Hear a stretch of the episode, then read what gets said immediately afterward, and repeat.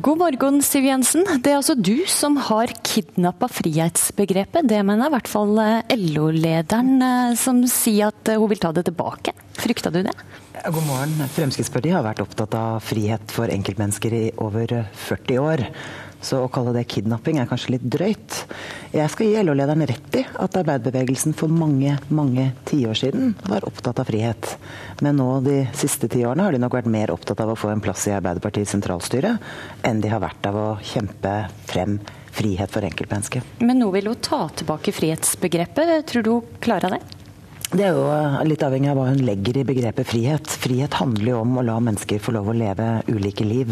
Velge mellom barnehage og kontantstøtte, velge mellom private og offentlige tilbydere. Eh, gjøre valgfriheten reell for alle som har ulike liv. Jeg har ikke hørt at LO har vært særlig opptatt av det. Og det handler jo om at LO først og fremst er opptatt av å agitere arbeiderpartipolitikk, når de egentlig burde være opptatt av politiske spørsmål som alle deres medlemmer er opptatt av. LO har jo tross alt mange mange medlemmer som ikke stemmer Arbeiderpartiet. Men det vil altså ha frihet til å kjøre Segway, til å spille poker, til å drive med proffboksing. Det er lett å harselere med disse tinga. Er det disse frihetskampene du ønsker å bli huska for? Det burde være viktigere å harselere med dem som i sin tid laget forbudene. Det at noen har brukt offentlige ressurser, tid og krefter på å innføre den type forbud, er faktisk et større problem for det norske samfunn. Det at vi tar de bort, mener jeg er bra. Men det er mange viktigere spørsmål eh, Fremskrittspartiet og denne regjeringen jobber for. Bl.a. likebehandling mellom offentlige private og ideelle tilbydere i helse- og omsorgssektoren, eh, som kommer til å bety masse både for å få ned ventetiden og få køene bort fra ulike institusjoner. Mange har vært spente på hvordan det kommer til å gå med Frp i regjering. Og kanskje særlig hvordan eh, grasrota i et utålmodig protestparti kommer til å takle et eh, regjeringssamarbeid. I dag så møter du landsmøtet ditt for første gang etter at du kom i regjering. Venta du kjeft? Jeg venter et møte med et veldig stolt, men sultent parti.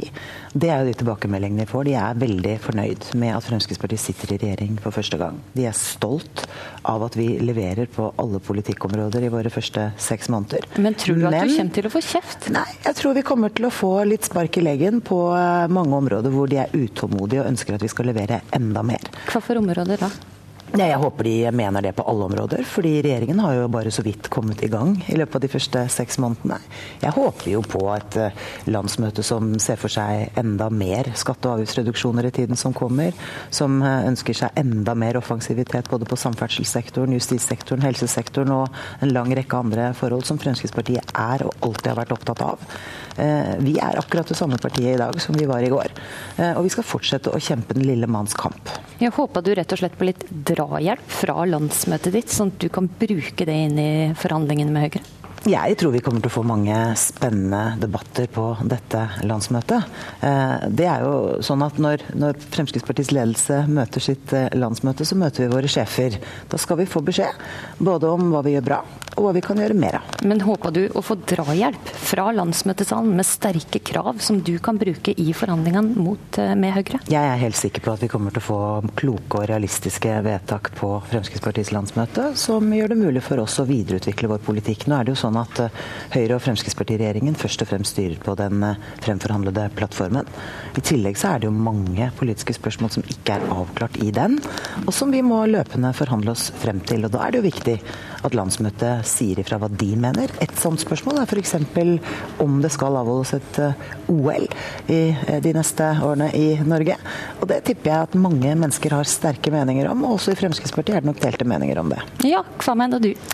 Jeg stemte eh, nei eh, under folkeavstemningen. Jeg hadde bare håpet at hele landet kunne deltatt i den folkeavstemningen, for da hadde vi visst hvordan det norske folk stilte seg til, slik, eh, til et slikt spørsmål.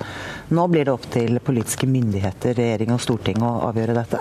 Og da er det viktig at de politiske partiene gir sine signaler. Men håper du at landsmøtet ditt her vil vedta en bindende resolusjon som, som altså binder Frp til å ikke stemme for en statsgaranti for OL? Jeg er eh, spent på hvordan den debatten går, og jeg er ikke minst også spent på hvilket vedtak landsmøtet ender opp med å fatte. Det er flere andre spennende saker delegatene her skal ta stilling til, bl.a. e-sigaretter. Mm. Er du for det? Jeg prøver normalt å ikke forhåndsprofilere noen av de resolusjonene som ligger til behandling, for det er landsmøtets suverene rett å ta den type beslutninger. Og da skal ikke partilederen eh, si på forhånd hvordan hun mener at voteringene skal gå. Hva med folkeavstemning eh, for nynorsk, vil du ha det? Ja, det er eh, som sagt Eller mot nynorsk, er kanskje riktigere å si. Det kommer til å være mange spennende debatter, men jeg kommer ikke til å ta stilling til noen av resolusjonene som er fremmet. Det må landsmøtet få lov å gjøre selv. Mm. Carl I. Hagen har sagt at han venta at Frp skulle få til mer i regjering. Hadde du også venta det? Altså, jeg syns jo vi har fått til veldig mye allerede. Men eh, det er jo en sånn, det er typisk Frp-sjela, og den ligger i meg òg, at man er utålmodig. Jeg sier jo veldig ofte når jeg holder taler at, eh, at jeg kunne jo ha stoppet opp og gleda meg litt lenger over den dagen vi faktisk fjernet arveavgiften. Det er noe Fremskrittspartiet har slåss for i 40 år. Nå er arveavgiften historie. Men jeg hadde knapt nok tid til å glede meg over det, fordi jeg snudde meg videre for å jobbe med nye saker. Men, men, og det mener jeg faktisk er noe vi Frp-ere må gjøre av og til. Vi må glede oss litt når vi nå faktisk gjennomfører politikken vår, samtidig som vi er utålmodige på å få til mer. Men svar ærlig på dette. Hadde du trodd at det kunne gjennomføre mer? Raskere? nei, jeg, faktisk så mener jeg at vi har gjennomført utrolig mye allerede. Men som jeg sier, vi har bare sittet i seks måneder. Så Hagen har, har, litt høye forventninger? Altså. Nei, jeg mener at det er, det er helt uh, rimelig å peke på at uh, man skulle ønske enda mer. Jeg også skulle ønske enda mer. Men jeg syns faktisk vi har levert mye allerede. Men mer kommer til å komme, særlig fordi vi bare har sittet i seks måneder. Mm. Du har sagt at det skal være ærlig om tapa mm. i regjering. Mm. Hva for tap har smerta mest? Det er altså Jeg tror ikke vi syns det var særlig, særlig, stas å nok en gang utsette konsekvensutredning i Lofoten og Vesterålen. Eh, vi hadde en hard valgkamp på det spørsmålet, men eh, dessverre ble det slik. Eh, så erkjenner jo vi at vi gjerne skulle sett en bompengepolitikk som så litt annerledes ut enn den vi nå regjerer på. Men samtidig så får vi jo til utrolig mye i samferdselspolitikken. Så det er jo en, hva skal vi si, en, en både glede og litt uh, sorg i det spørsmålet. Og så er det jo selvfølgelig, syns jeg, litt uh, ubehagelig at uh, stortingsflertallet økte mineraloljeavgiften. Det ønsket jo ikke regjeringen å gjøre. Flere vonde saker her, altså. Et annet tema. Skulle du ønske at Christian Tybing-Gjedde var her på, på landsmøtet? Jeg håper jo at alle som er delegater til Fremskrittspartiets landsmøte finner tid og anledning til å være her, men så registrerer jeg at det er enkelte hvor det har kommet ting i veien. For Christian Tybring-Gjedde er en av dem. Vår parlamentariske leder skal i konfirmasjon og har heller ikke anledning til å komme. Skulle du ønske at han var? Ja, som jeg sier, jeg skulle ønske at alle som er delegater til vårt landsmøte, hadde fått anledning til å finne veien hit. Mm. Tybring-Gjedde ba om å bli fristilt til å kunne stemme mot regjeringa sin politikk i innvandringsspørsmål, men fikk nei fra sentralstyret. Hvorfor det? Fordi det er eh, vårt landsmøte gjennom eh, partiprogram og ikke minst det faktum at landsstyret enstemmig har sluttet seg til den plattformen vi regjerer på, som legger premissene for hvordan vår stortingsgruppe skal opptre. Så mener jeg at han rett og slett har misforstått. Dette er en betydelig innstramming i asyl- og innvandringspolitikken vi har eh, fremforhandlet med de andre partiene som kommer til å bli en merkbar forskjell i årene som kommer. Men så har vi jo også sagt at dette ikke er en uttømmende avtale. Hvilket betyr at på områder som ikke denne avtalen regulerer, så står regjeringen fritt til å fremme nye forslag. Så Christian Tybring-Gjedde har rett og slett ikke skjønt det? Som eh, Per Sandberg også har sagt veldig mange ganger, så er dette spørsmålet tydelig og avklart. Og det er ingen grunn til å, å skape et inntrykk av at eh, dette ikke er en innstramming, fordi det er det. Men er du nøyd med den løsninga som saka har fått nå, nemlig at eh, Christian Tybring-Gjedde sier at han ikke vil uttale seg i innvandringsspørsmål mer? Ja, nå er det Masiar Keshvari som er Fremskrittspartiets innvandringspolitiske talsmann i Stortinget. Men dette har jo Samtidig, også vært en hjertesak for uh, ja, en viktig person i Frp? Ja, og derfor er det også viktig at vi har uh, både statsråden med ansvar for asyl- og innvandringspolitikken og statsråden med ansvar for integreringspolitikken. Dette er viktige spørsmål for Fremskrittspartiet, og det er viktig at vi leverer. Anders Anundsen er, er i full gang med Er det ikke da også viktig at folk kan si det de mener om det spørsmålet jo, men vi legger, jo, vi har altså ikke lagt munnkurv på enkeltpersoner. Det er et valg han selv har tatt, og det får han eh, svare for selv. Mm. Så uh, er det altså slik at det er ikke bare Christian Tybring-Gjedde som er misfornøyd med innvandringsavtalen de har hatt med, inngått med KrF og Venstre.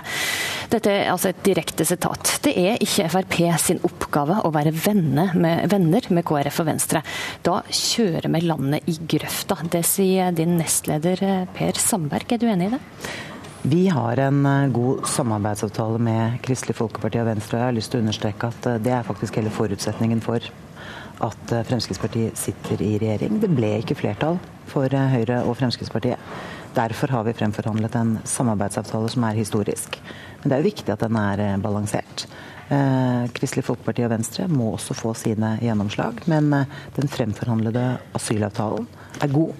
Det mener eh, hele Fremskrittspartiet, rett og slett fordi den gir betydelige innstramminger. Og fortolkningen av eh, de spørsmålene som ikke er regulert av avtalen, er vi også enige om. Nemlig at regjeringen står fritt til å fremme ytterligere forslag og tiltak dersom det blir nødvendig. Men uh, ta stilling til det jeg spør deg om. for Jeg lurer på om du er enig med det din nestleder sier, at vi kjører landet i grøfta, og det er ikke Frp sin oppgave å være venner med KrF og vi har eh, en god samarbeidsavtale med Kristelig Folkeparti og Venstre, som er helt avgjørende for at eh, Høyre og Fremskrittspartiet sitter i en mindretallsregjering. Men vi er i mindretallsregjering. Er du opptatt av å være venner med KrF og Venstre? Ja, jeg mener at det er helt avgjørende at vi har et godt og avklart forhold til eh, Kristelig Folkeparti og Venstre, all den tid det er dem vi har en samarbeidsavtale med, og som sikrer at vi eh, har en mindretallsregjering som kan levere Frp-politikk hver eneste dag. Har KrF og Venstre fått mer gjennomslag enn det oppslutninga deres skulle tilsi? Det har jeg i grunnen ikke regnet på, men jeg mener vi har funnet frem til en eh, god eh, balanse mellom behovene som de fire partiene har. Og så er det jo slik da, at én ting er det som er eh, nedfelt i samarbeidsavtalen og i regjeringens plattform. En helt annen ting er jo hva slags forhandlinger som skjer i Stortinget etter at regjeringen har lagt frem sine forslag. Og det er jo et forhold som våre stortingsgrupper må finne ut av. Vi kan gå til andre parti for å få flertall, eh, sier din nestleder Per Sandberg igjen. Eh, Frp kan bare glemme å komme til oss, sa påtroppende Arbeiderpartileder i går. Hvem skal det gå til da, hvis det ikke skal gå til Arbeiderpartiet, og ikke KrF og Venstre? Jeg merket meg også hva Jonas Gahr Støre sa om innvandringspolitikk i går, og der viser han jo egentlig sitt sanne ansikt. Nemlig at Arbeiderpartiet under åtte år i regjering snakket veldig mye om å stramme inn i asyl- og innvandringspolitikken, men de gjorde det aldri. Og når de nå heller ikke ønsker å bidra til en eh, rettferdig og streng asyl- og innvandringspolitikk i Norge i årene som kommer, så viser det det jeg alltid har ment om Arbeiderpartiet, nemlig at de egentlig ønsker en veldig liberal politikk på dette området. Men hvem skal Frp gå til? Ja, vi har, Hvis de ikke, eh, dette ikke skal gå til KrF, ikke til Venstre og Arbeiderpartiet har ikke lyst til å leke med de kan. Jeg tror jeg vil anbefale programlederen å lese gjennom samarbeidsavtalen regjeringen har med Kristelig Folkeparti og Venstre. Den er helt entydig. Vi skal først søke støtte hos eh, KrF og Venstre. Hvis vi ikke lykkes med det, så står regjeringen fritt til å henvende seg til andre partier i Stortinget. Et sånt eksempel skjer jo nå gjennom eh, saken om eh, tigging hvor Senterpartiet har annonsert at de ønsker å samarbeide med regjeringen om dette. Mm. Er du enig i at bøndene ikke skal få mer i overføringa i det pågående jordbruksoppgjøret? Som eh, medlem av regjeringen så kan jeg naturlig nok ikke kommentere det før eh, regjeringen har lagt frem sitt tilbud til eh, bøndene. For det bør ikke medlemmer av regjeringen gjøre? Det er jo slik at dette skjer etter kjente spilleregler. Nå har landbruksorganisasjonene fremmet sine krav. Så skal regjeringen komme med sitt eh, bud, eller staten komme med sitt bud, og så skal det forhandles. Eh, og da vil det være veldig lite klokt av meg å forhåndsprosedere det. Men eh, jeg sitter her med et sitat fra din landbruksminister Sylvi Listhaug. Disse, altså overføringene, skal i alle fall ikke opp. Vi legger ikke opp til økte overføringer fra statens side, sier hun. Ja. Var det feil av å si det? Nei, men det er hun som har det konstitusjonelle ansvaret, og derfor er det også hun som skal uttale seg, og ikke jeg. Men var det feil av å forhåndsprosedere her? Hun har ansvaret for å håndtere det spørsmålet. Det har ikke jeg. Og det at hun har gitt uttrykk for dette, det mener jeg er riktig. Og så må hun fortsette det arbeidet når hun også legger frem budet på vegne av staten. Mm. Til slutt, eh, det er politisk vilje til ei humanitær storbevilgning til Syria, hørte vi i Dagsnytt i dag. Én milliard ekstra. Har eh, finansminister Jensen lyst til å bidra? Regjeringen skal behandle revidert budsjett i neste uke. og Så skal vi legge det frem for Stortinget 14. mai. og Da vil også Stortinget og offentligheten få vite hvilke anbefalinger regjeringen har når det gjelder revidert budsjett. Takk skal du ha, Siv Jensen. Kvart over to går du på talerstolen her på Frp-landsmøtet for å holde din første landsmøtetale etter at Frp gikk i regjering. Vi ønsker deg lykke til med det.